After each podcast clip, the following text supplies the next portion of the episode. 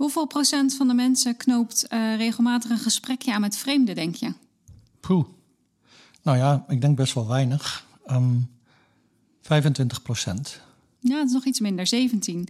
En hoeveel procent vindt het leuk als een vreemde een gesprek aanknoopt? Um, ook zoiets dan 17. 46. 46, ah.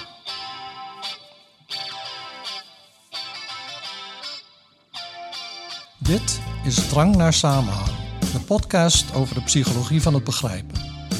Mijn naam is Rolf Zwaan. En ik ben Anita Eerland. In deze aflevering gaan we het hebben over praatjes maken met vreemden.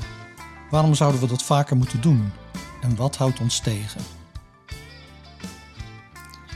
Ja, die cijfers aan het begin van de afleveringen, die uh, eh, 17% van mensen die regelmatig een gesprekje met een vreemde aanknoopt en 46% die het leuk vindt om uh, als een ander een gesprekje met je aanknoopt. Die komen uit recent onderzoek van de Quest onder 5000 Instagram-gebruikers. Mhm. En ik vond dat wel opvallende cijfers. Dus vooral die discrepantie tussen hoeveel mensen aangeven dat te doen en, en hoeveel mensen dat eigenlijk best wel gezellig vinden als een vreemde een gesprekje mhm. met ze aanknoopt. Wanneer heb jij eigenlijk voor het laatst een gesprekje met een vreemde gevoerd? Ehm, nou, dat is volgens mij een paar dagen geleden. Ehm, twee mensen bij een hut, uh, hier ergens op een berg. Twee Oostenrijkers die aankwamen op mountainbikes. je hebt daar van die tafels waar je met z'n zessen aan kan zitten. En wij zaten er met z'n tweeën. En uh, nou ja, voor hun was er eigenlijk geen tafel meer. Toen hebben we ze bij ons aan de tafel uitgenodigd. En die vrouw, die kwamen we later, ja, een week later weer tegen tijdens een wandeling. Toen hebben we weer een praatje gemaakt. Dus, maar toen uh, was het geen vreemde meer? Toen was het geen vreemde meer. Ook niet echt al een oude bekende. Maar um, ja, ik heb dat dus eigenlijk, denk ik, altijd wel gedaan. Ik doe dat altijd wel. Ik weet laatst ook nog dat jouw zusje was en dat ik ook een praatje begon met iemand. En dat zij zei, dat zou ik nou nooit doen. Mm Maar uh, ja, mijn ouders deden dat altijd. Um, en als kind stelde ik dat dan minder op prijs. Want dan... Uh, ja, dan wandelden we, wandelden we door de stad of weet ik veel wat. En dan uh, kwamen ze iemand tegen die wat interessants deed. En vooral mijn vader ging dan uh, onmiddellijk een gesprek beginnen.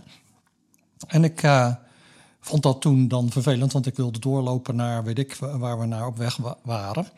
Maar ik ben dat later dus ook gaan doen. En, maar je hebt dat dus wel altijd Als volwassene heb ik dat altijd gedaan eigenlijk. En dat wil niet zeggen dat ik elke uh, persoon heigend achterna loop om een praatje te beginnen. Maar als ik zo iemand zie staan die wat doet wat mij wel interessant lijkt, dan begin ik vrij snel een praatje. Ja, en waar heb je het dan over? Ja, dat hangt ervan af. Ik weet dat ik, uh, uh, nou ja, vaak dus over dingen in de omgeving. En we zitten hier in Oostenrijk, we spreken dan meestal met Oostenrijkers, die weten meer van de omgeving dan wij. Mm Dus dan gaat het vaak over dat soort dingen, ja, over het weer, hoe dat zo veranderd is in de loop der tijden. Maar het kan ook gaan over mountainbiken waar je dat goed kan doen. Of welke wandelingen leuk zijn. Um, werkelijk van alles. Ja, maar dus wel iets wat gerelateerd is aan de omgeving waar je dan uh, op dat moment bent waarschijnlijk. Ja, nou ik weet ook dat ik uh, in het vliegtuig deed ik het ook vaak. En eigenlijk gaat niet zo, doet de tijd zo snel voorbij gaan als een gesprek hebben met iemand. En ik mhm. herinner me dat ik in een vliegtuig zat van Canada naar Nederland. En um, met mij in het vliegtuig zat een, een man uit Kenia en die werkte voor uh, BlackBerry. En dat was toen, uh, laten we zeggen, voor de iPhone mm een belangrijk communicatieapparaat. Hij werkte in Ottawa, geloof ik, en hij zou naar Kenia gaan, naar zijn familie. En ik heb met hem gewoon de hele vlucht van, nou, ik denk dat het Toronto naar Amsterdam was, zitten praten. En dat was heel gezellig, dus die vlucht ging vrij snel over. En ik heb van alles geleerd over dat bedrijf. Ik dacht wel van, maar ik ga geen BlackBerry kopen. En Achteraf was het maar goed ook, want ik weet niet eens of dat bedrijf nu nog bestaat. En uh, nou ja, hij vertelde hoe hij dan vanuit Kenia in Canada terecht was gekomen. En uh, we hebben het gehad over waar we verder of, uh, waren geweest op reis. En ik herinner me dat er een vrouw voor ons zat, een Nederlandse vrouw, die kwam ineens boos overeind. En die zei: Ik probeer te slapen en jullie zitten al de hele tijd te praten. En dan zijn het ook nog van die reisverhalen of zo. Oh, echt? Ja, dat vond ik typisch Nederlands. Dus niet alleen je ongenoegen laten weten over het feit dat wij praten, maar dan ook nog kritiek hebben op de inhoud van het gesprek. Dat vond ik echt typisch Nederlands. Uh, dat is dus in ieder geval een vreemde met wie je niet uh, nee. een praatje moet aanknopen. Uh, nee, dat klopt. Dat heb ik dan ook verder. Nou, ik heb wel kort iets gezegd, maar dat is niet voor de podcast. Maar verder, nee, dat is niet iemand met wie ik verder zou praten. het is dus wel grappig wat je nu vertelt, want recent onderzoek laat ook zien dat het heel informatief is om uh, met vreemden te praten. Mm -hmm. en over dat recente onderzoek gaan we het vandaag hebben. we zullen de link naar dat artikel in de show notes zetten. Ja, en ik vind het dus eigenlijk wel grappig van sommige psychologisch onderzoek, hè, dat ze op de een of andere manier komen ze met een heel alledaags onderwerp. En dan denk je, ja, verdorie. Um, ik heb daar nooit zo over nagedacht. Maar toen jouw zus dus laatst zei van... ik maak nooit een praatje met vreemden. En ik dacht, ik doe dat juist wel. Mm -hmm. Toen dacht ik, nee, toen dacht ik van, uh, ja, dat is eigenlijk best wel typisch. En toen later zagen we dit artikel. En dat, uh, nou ja, dat is eigenlijk een verslag van een onderzoek naar, naar dit, deze hele vraag. Waarom praten sommige mensen wel met vreemden, maar de meeste anderen niet? Ja. Nou ja, dan kun je zelf een beetje denken, waarom zou dat kunnen zijn? Dan zou je kunnen zeggen, nou ja, de ene persoon is misschien meer verlegen dan de ander. Zou kunnen. Uh, maar deze onderzoekers hebben een iets andere hypothese. Die zeggen, mensen weten niet dat het informatief is om met vreemden te praten. Die, die denken, nou ja, daar heb ik toch niks aan. Dus uh, daarom doen ze dat niet. Dus volgens dit idee zijn wij allemaal heel erg berekenend en... Uh, denken we dus hoeveel informatie kan ik halen uit deze persoon. Hè, impliciet denken we dat. Mm -hmm. En dan denken we, nou waarschijnlijk niet te veel.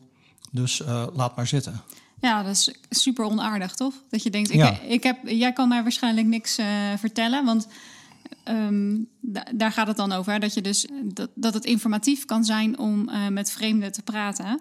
Mm -hmm. En dat we dus denken dat dat niet zo is. Dat we niks kunnen leren van de ander. En dan denken, nou, ga ik ook geen praatje met jou aanknopen. Dan ga ik mijn tijd niet aan jou besteden of zo.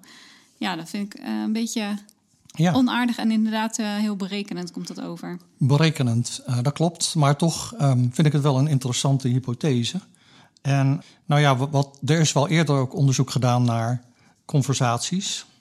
En waarom, hè, waarom hebben we die? En, en wat je dan vindt is dat mensen wel een positieve, in een positieve stemming komen na zo'n gesprek. Mm -hmm. Uh, en ze beoordelen de mensen met wie ze gesproken hebben dan ook positiever. Ja.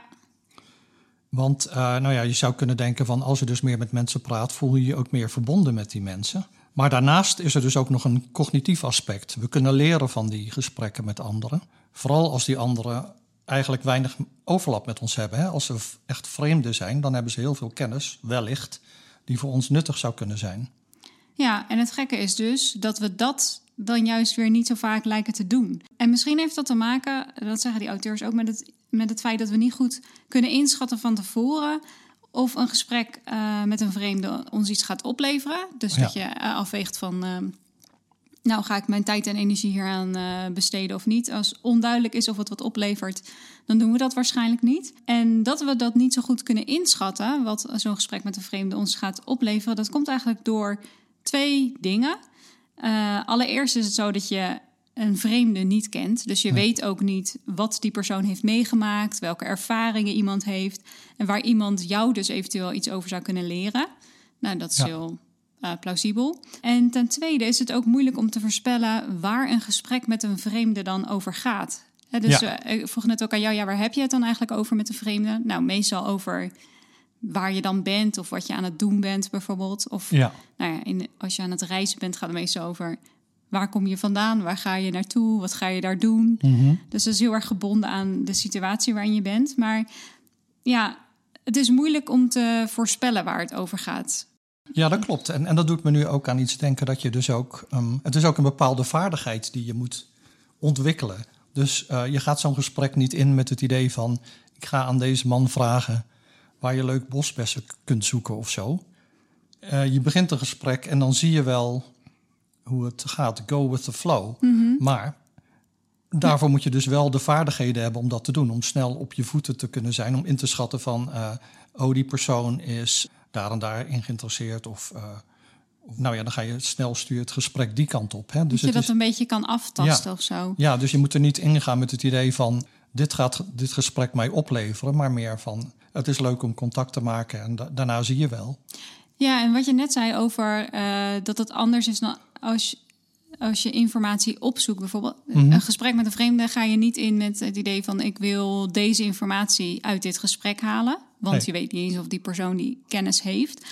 En uh, de auteurs van dat artikel zeggen ook, ja, dat is dus een wezenlijk verschil uh, met informatie vergaren van bijvoorbeeld het internet. Want dan heb ja. je wel meer controle over waar je die informatie gaat zoeken en wat je, wat je precies gaat opzoeken. Mm -hmm. Terwijl dat dus bij zo'n gesprek met een vreemde, hoewel dat heel informatief kan zijn, gewoon moeilijker te voorspellen is. Ja, en uh, wat ze niet noemen in dit artikel, en waar ik uh, eigenlijk nu pas aan zit te denken, is dat, dat opzoeken op het internet, dat je dus weet van, uh, ik wil weten hoe je pannenkoeken bakt zonder eieren in het beslag of zo, ik zeg mm -hmm. maar even wat.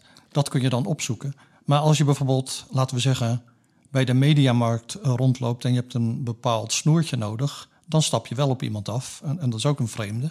En dan vraag je van waar kan ik die snoertjes vinden. Dus dan heeft die persoon een specifieke functie. En de aard van het gesprek ligt eigenlijk al vast. Hè? De rollen liggen vast. Jij wil informatie hebben, de andere persoon heeft informatie. Ja. En je weet dat die persoon die informatie heeft, want die werkt daar. Ja. Maar in praatjes met vreemden heb je dat allemaal niet. Nee, dat dus klopt. het is veel onzekerder. Ja, en zij zeggen dus dat die onzekerheid ervoor zorgt dat we het dus niet zo vaak doen.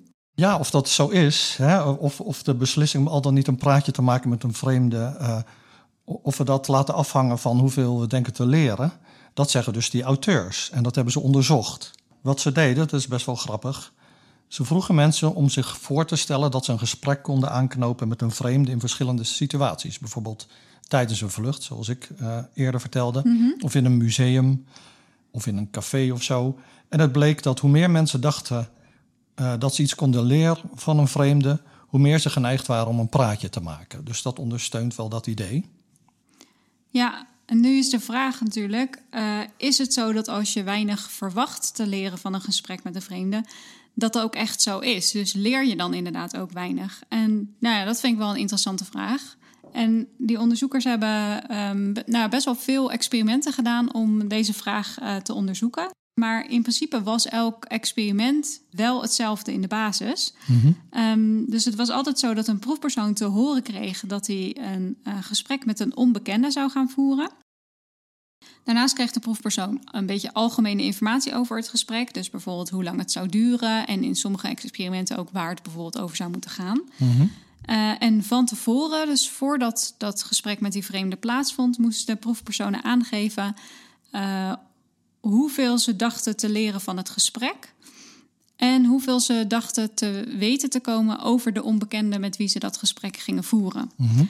Ja, dan uh, voerden ze dat gesprek en dan na afloop moesten ze aangeven hoeveel ze daadwerkelijk hadden geleerd um, van het gesprek. En hoeveel ze te weten waren gekomen over uh, de onbekende. En dan kan je dus kijken in hoeverre mensen dat uh, goed kunnen inschatten. Ja, dus in het eerste experiment van die serie kregen mensen dus die specifieke opdrachten mee. Bijvoorbeeld praat over iets alledaags of ben geïnteresseerd in je gesprekspartner. Dat is altijd een goed idee. En in het tweede experiment moesten mensen proberen zoveel mogelijk te leren of juist zoveel mogelijk plezier te hebben. Ja, dus, dus doel de, doelen, de doelen werden ja. gemanipuleerd. En in alle gevallen zeiden mensen dat ze uiteindelijk meer geleerd hadden dan ze van, van tevoren hadden verwacht. En dat gold uh, zowel voor leren in het algemeen als voor leren over de gesprekspartner. Ja, dat is toch wel een leuke bevinding. Dat als je met een onbekende een gesprek voert en de opdracht is om gewoon een gesprek te voeren, uh, dat je er uiteindelijk dan toch meer van leert dan je zelf denkt. Ja, dat, uh, en ik denk dat dat uh, ook mijn ervaring is. En dat kun je zeggen, um, je kunt op meerdere niveaus er wat van leren. Dus bijvoorbeeld, je leert wat over de persoon, je leert wat over misschien de omgeving of zo. Maar als je het in een vreemde taal doet, leer je ook de taal beter. Ja. En je leert ook de sociale interacties wat beter kennen, want die verschillen toch ook wel tussen, um, tussen verschillende landen mm -hmm. of tussen landen. En ik denk dat dat toch ook wel een, uh, een dingetje is. Dus, en je leert ook beter converseren. Dus eigenlijk werkt het op meerdere niveaus als een uh, leerproces. Ja, maar denk je dan dat je meer leert over het voeren van een conversatie, van een gesprek met een vreemde, dan van een gesprek met iemand die je al beter kent? Ja, want dat is een veel grotere uitdaging natuurlijk. Want je moet eerst een soort common ground vinden van waar, hè, waar kun je het met z'n tweeën eigenlijk over hebben. Mm -hmm. En je moet van de andere persoon inschatten van, stel je voor dat, dat jij een Nederlander bent en het is een buitenlander in Nederland die wel Nederlands spreekt, maar niet heel goed. Dan moet je een beetje ook kunnen inschatten welke woorden je wel kunt gebruiken en welke niet zoals de Oostenrijkers hier dat met ons uh, een beetje zullen doen. hè? Nou, Ze, ze, passen hun, ze passen hun dialect een beetje aan aan het feit dat wij geen, eh, eh, niet, niet uit de buurt komen. Dat, dat merk je en dat, dat zeggen ze ook. En als je dan een keer met een Duitser praat, is dat een verademing, omdat hij dan ineens supergoed te verstaan is. Ehm, nou ja, anyway, ehm, ook een goed Duits woord. Eh, de onderzoekers hebben op een bepaald moment ook gevraagd aan de proefpersonen om nu eens op te schrijven, voorafgaand aan het gesprek, wat ze dachten te leren. En daarna kwam het gesprek en daarna schreven de proefpersonen op wat ze nou echt hadden geleerd. En eh, daarna hebben die onderzoekers die twee teksten voor elke proefpersoon met elkaar vergeleken. En wat ze dan vonden was dat die teksten na het gesprek veel concreter waren dan de teksten voor het gesprek. En ja, dat is op zich natuurlijk niet eh, opzienbarend. Nee, dat is precies wat je zou verwachten. Want als je het gesprek eenmaal hebt gevoerd, dan weet je precies wat je hebt geleerd. Mhm. Terwijl van tevoren, als je geen idee hebt eh, wie de vreemde is en, en waar je het over gaat hebben, ja, dan moet je heel vaag zijn in, ehm, in wat je denkt te gaan leren. Toch? Klopt, ja. Ja, klopt. Ja, het is niet voor de hand liggend, maar soms moet je ook iets eh, ja, eh, wel even gedaan hebben als onderzoeker. Ook al is de uitkomst dan niet opzienbarend, omdat het dan toch een basis is om eh, op verder te gaan. Nou ja, en ik vind het ook wel leuk dat ze hebben gevraagd aan mensen om, op te, om, eh, om concreter te maken wat ze dan denken te gaan leren. In plaats van alleen maar op een schaal aan te geven Ja. hoeveel ze denken te gaan Ja. leren. Maar hè, wat, wat verwacht je dan precies? Waar ga je het dan over hebben, denk je? Ja. Dat is wel eh, interessant Maar dat hebben ze verder eigenlijk niet geanalyseerd, toch?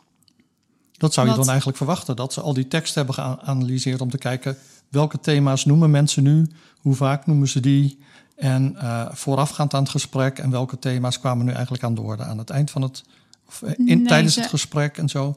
Dus je kunt, kunt er veel meer mee doen dan ze gedaan hebben, vind ik, met die Nou, data. misschien doen ze dat wel. Bewaren ze de data en gaan ze daar nog een ander eh, artikel Ja. over schrijven of zo. Maar dat hebben ze inderdaad in dit artikel niet genoemd. Ehm, het was wel zo dat.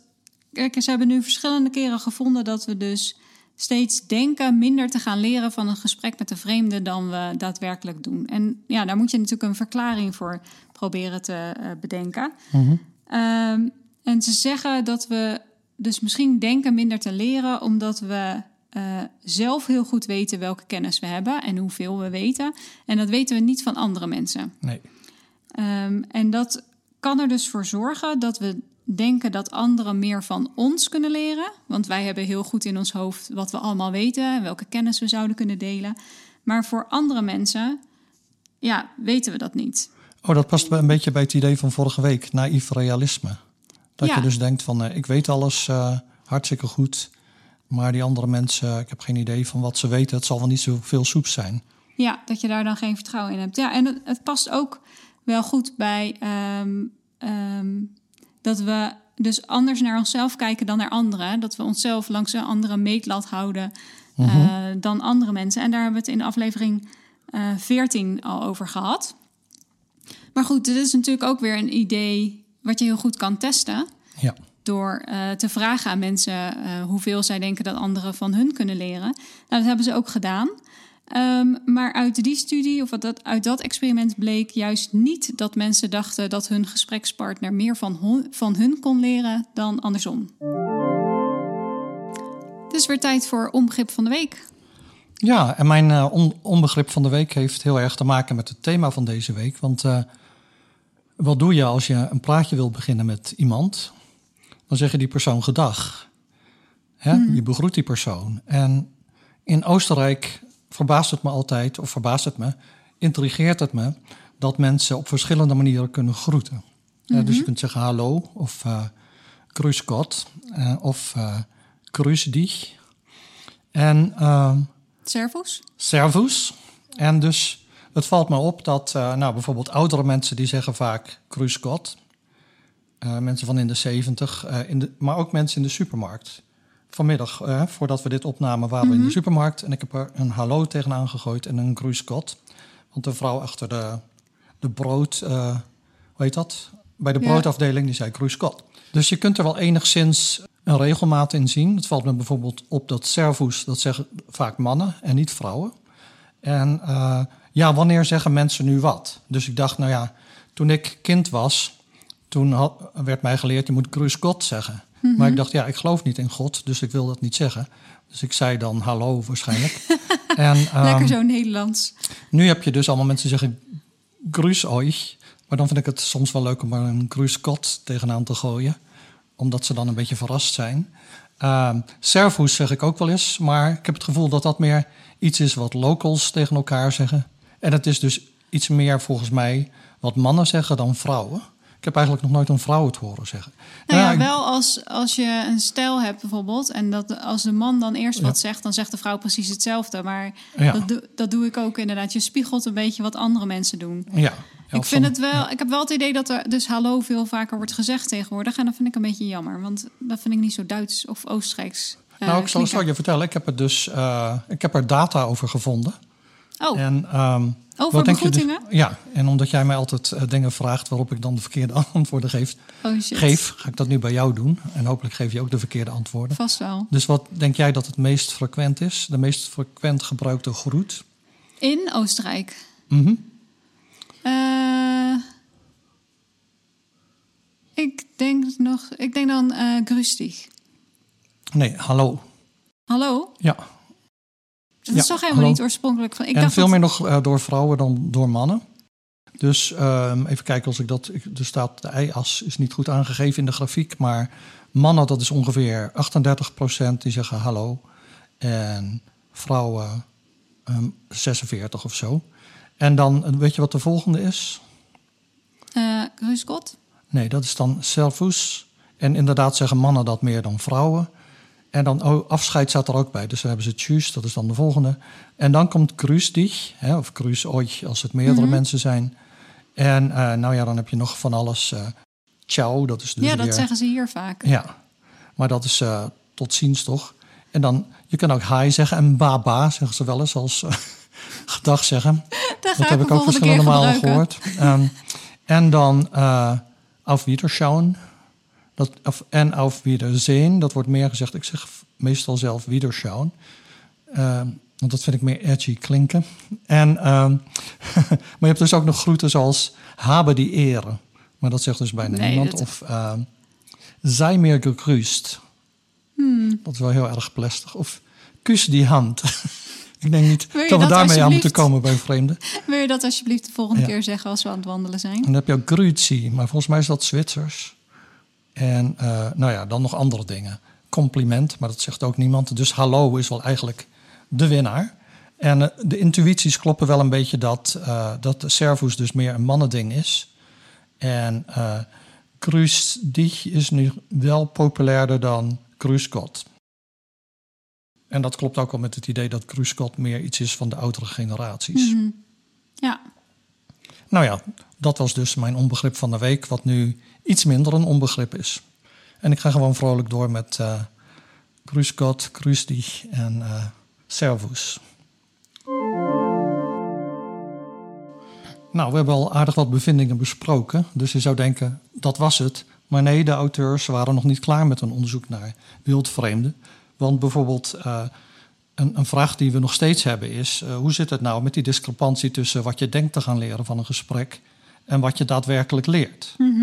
Nou, daar hebben de auteurs dus wel ook over nagedacht. En eh, wat ze dan zeggen is: misschien is het moeilijk om te voorspellen wat we allemaal kunnen leren uit een gesprek, omdat het moeilijk te voorspellen is waarover we het gaan hebben. Hè, want daar heb je niet in je eentje controle over. Het is een gesprek. ja. En als je dus niet weet waar je het allemaal over gaat hebben, dan is het ook moeilijk om te bepalen hoeveel je gaat leren. En dat heeft dan te maken met iets waar we het ook al eerder over hebben gehad in deze podcast, namelijk de availability heuristic. En dat was in aflevering 11 kort door de bocht te denken. Ehm, want als we gevraagd worden na te denken over eh, wat we van een ander kunnen leren, dan komen de meest voor de hand liggende onderwerpen naar boven. Hè? Voor de hand liggend available, eh, zoals het weer bijvoorbeeld. Maar dat zijn niet per se de onderwerpen waarover je het ook met een vreemde hebt. Ik heb lang in Florida gewoond en eh, ja, daar was het weer in de zomer altijd hetzelfde, drukkend heet. Eh, soms kwam er een hurricane voorbij, maar verder was het weer niet echt een gespreksthema, want het was heel stabiel. Maar waar, ik neem aan dat je dan een ander eh een Ja, dan ging het over- onderwerp hebt. Ja, dan- politiek kon ook niet, maar dan ging het over het voetbalteam of weet ik veel wat. Uh, maar in ieder geval niet over het weer. En toen ik terugkwam in Nederland en ik in de lift stond uh, op de campus, ja, toen, uh, dan kon je het onmiddellijk weer over het weer hebben. -hmm.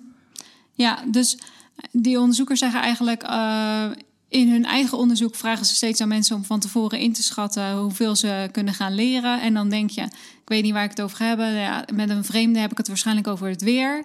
Want dat is dan het onderwerp dat het meest beschikbaar is. Dus makkelijk, makkelijkst op te halen uit je geheugen. En dan denk je, daar ga ik niet zoveel van leren. En dat zou dan die onderschatting dus kunnen um, ja. veroorzaken. Ja, ja, dat denken die onderzoekers. Dus uh, om te kijken of die onzekerheid over de gespreksonderwerpen inderdaad uh, zorgen voor die onderschatting, um, hebben ze dus een, een studie gedaan. En daarin hebben ze het leren van een gesprek met een vreemde vergeleken met het leren van het internet. dan zoek je iets op over, uh, nou ja, weet ik veel. Uh, zijn is deze paddenstoel giftig om te eten of niet? Mm -hmm. Of nou giftig om te eten, is die giftig? En dan is die niet om te eten. Ja. Um, en dat ga je dan opzoeken op het internet. Ja, dus dan heb je veel minder uh, onzekerheid. Ja, ja, want met een vreemde weet je dus niet um, waarover je het gaat hebben. Mm -hmm. En als die onzekerheid over de onderwerpen dus een rol speelt, dan zou je verwachten dat in een situatie met minder onzekerheid, namelijk het zoeken op het internet, mensen minder onderschatten hoeveel ze kunnen leren. Hè? Dat ze beter gekalibreerd zijn. Ze hebben een beter idee van dit wil ik weten en dit ga ik vinden. Mm -hmm. Nou ja, en dat bleek inderdaad zo te zijn. Dus bij uh, de situatie met meer zekerheid konden we beter voorspellen wat we ja. uh, gingen leren. Nou, dat is ook wel logisch, want als je informatie gaat opzoeken op het internet, heb je gewoon een specifiek doel, specifieke eh, zoekopdracht.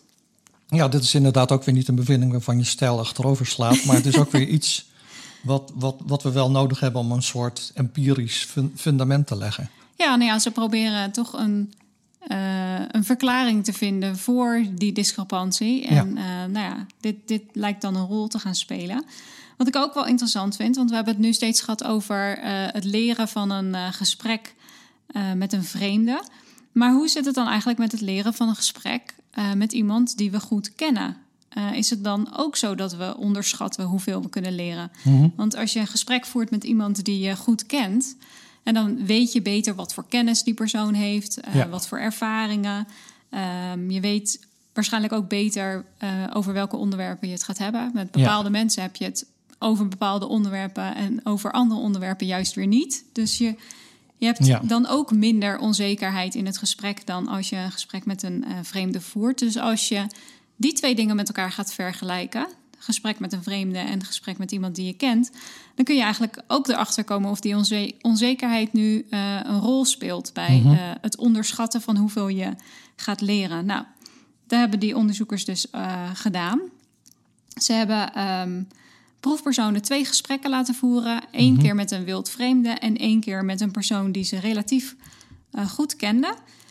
Uh, en um, wat ze vonden was dat uh, in tegenstelling tot wanneer we met een vreemde gaan praten, uh, leidt het voeren van een gesprek met een bekende um, tot ja, minder onderschatting van hoeveel we kunnen gaan leren van een gesprek. Dus ook daar zie je dan dat hoeveel we verwachten te leren en wat we leren, dat dat dichter bij elkaar ligt als we een gesprek voeren met iemand die we kennen. Ja, dus dat is eigenlijk een soort manipulatie van de onzekerheid die je van tevoren voelt over een gesprek. Ja. Die onzekerheid nemen ze nu weg. Mm -hmm. En dat hebben ze ook nog op een laatste manier gedaan, de onderzoekers, uh, in een experiment. Ze gaven uh, de proefpersonen die een gesprek moesten voeren met een vreemde, namelijk ofwel een specifiek onderwerp om over te praten, of ze mochten zelf uh, weten waar ze het over gingen hebben. Ja. En dus heb je in die eerste situatie weinig onzekerheid over waar je het over gaat hebben en dus wat je kunt leren, dan in de tweede situatie. Maar nog steeds was het uh, zo dat in, uh, dus in beide gevallen werd nog steeds onderschat hoeveel mensen nu eigenlijk leerden, dachten te le gaan leren van het gesprek. Hè, dus uh, ze dachten minder te leren dan ze uiteindelijk leerden.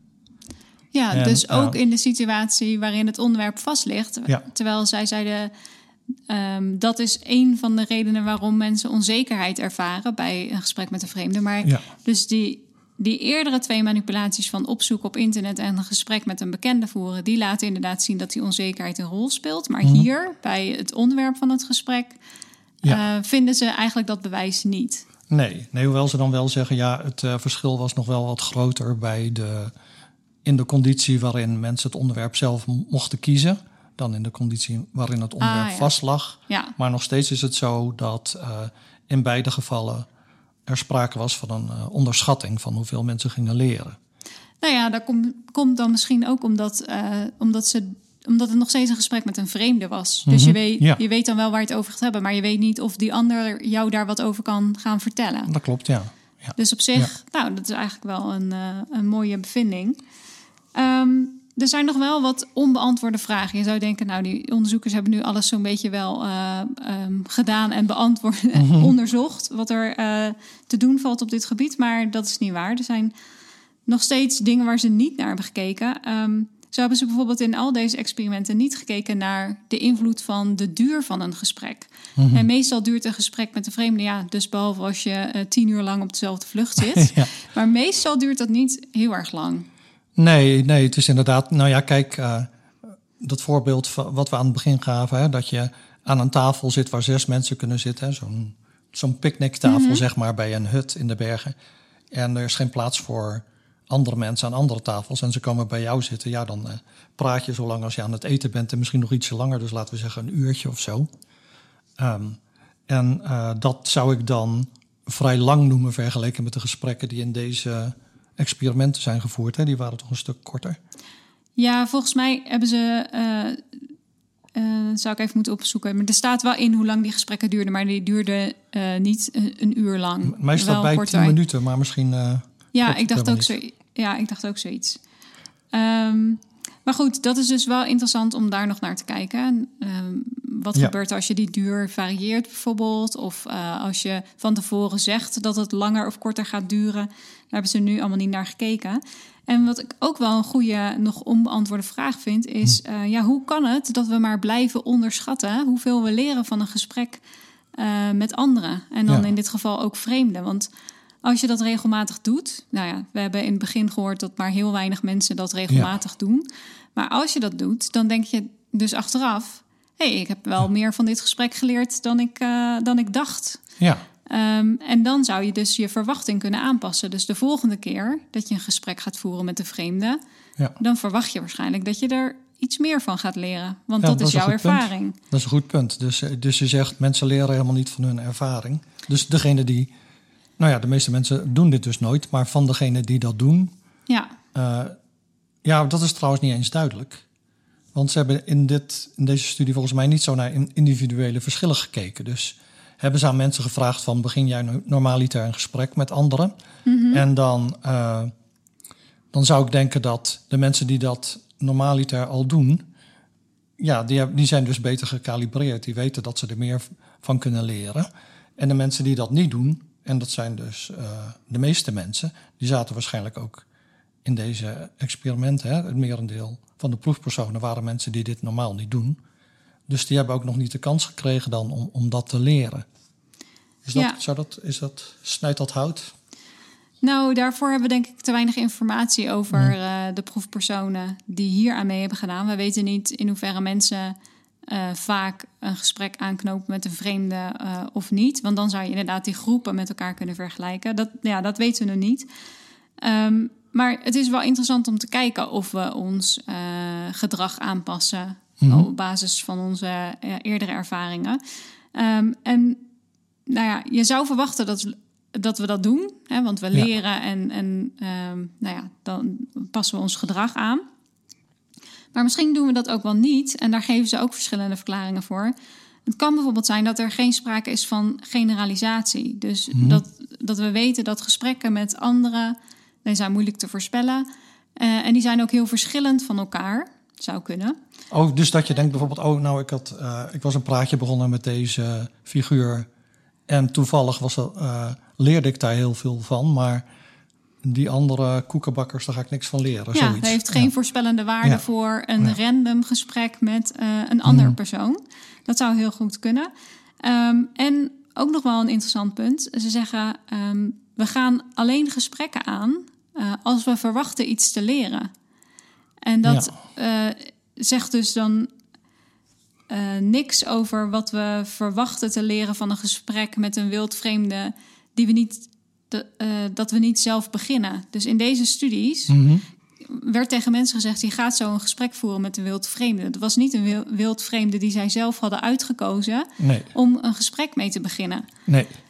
Um, dus dan kun je denken: ja, ik maak een praatje met iemand. Ja, je, doe, je zei ook al, dat doe ik niet met iedereen. Dus er zijn bepaalde. Daar gaat een bepaalde keuze aan vooraf. Ja. En misschien zit daar onbewust iets in dat je denkt, die persoon heeft vast iets interessants te vertellen. Ja, maar ik, ik denk eigenlijk, als ik naar mezelf kijk, uh, is het helemaal niet zo beredeneerd. Ik denk gewoon van, uh, oh, dat lijkt me wel een gezellige figuur. Of uh, we, we, staan hier toevallig naast elkaar op deze plek. En dan begin je een gesprek. Ik denk mm -hmm. niet zo van, nou, dan ga ik eens even, ik zie daar iemand staan, daar ga ik eens even op af om wat van te leren. Dus ik vind die, die nadruk in deze studie, ik snap hem wel, want het is onderzoekbaar en ze vinden ook inderdaad mensen onderschatten wat ze kunnen leren. Maar als ik nu, het is natuurlijk anekdotisch, maar afga op mijn eigen ervaringen, zou ik zeggen dat is niet waarom ik uh, een gesprek begin om iets te gaan leren. Nee, ik denk dat de meeste mensen dat niet doen. Um, dat we het vooral doen omdat we sociale dieren zijn, uh, omdat we het gezellig vinden, omdat we er een goed gevoel aan overhouden, meestal. Ja. Een gevoel van verbondenheid. Um, maar wat deze hele reeks aan studies en ook uh, ander onderzoek wel laat zien, is dat we het eigenlijk voor wat het ons kan opleveren, zowel sociaal als uh, cognitief, dat we het eigenlijk veel te weinig doen. Ja, ja, dat vind ik ook. Gemiddeld doen, doen mensen dat veel te weinig. En het zou voor de saamhorigheid in de maatschappij beter zijn als mensen dat wat uh, vaker deden. En nou ja, ik zie daar buiten nu een interessante figuur staan. Dus ik denk dat ik er even op afloop om een praatje te maken.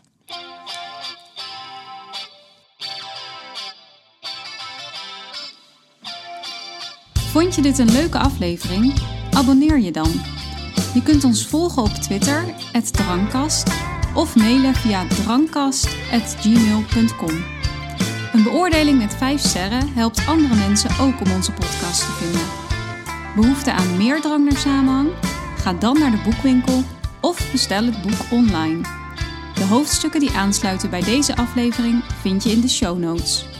Tot de volgende drang. Drang naar Samenhang is een podcast van Rolf Zwaan en Anita Eerland. Montage door Rolf Zwaan. Muziek geschreven en gespeeld door Rolf Zwaan.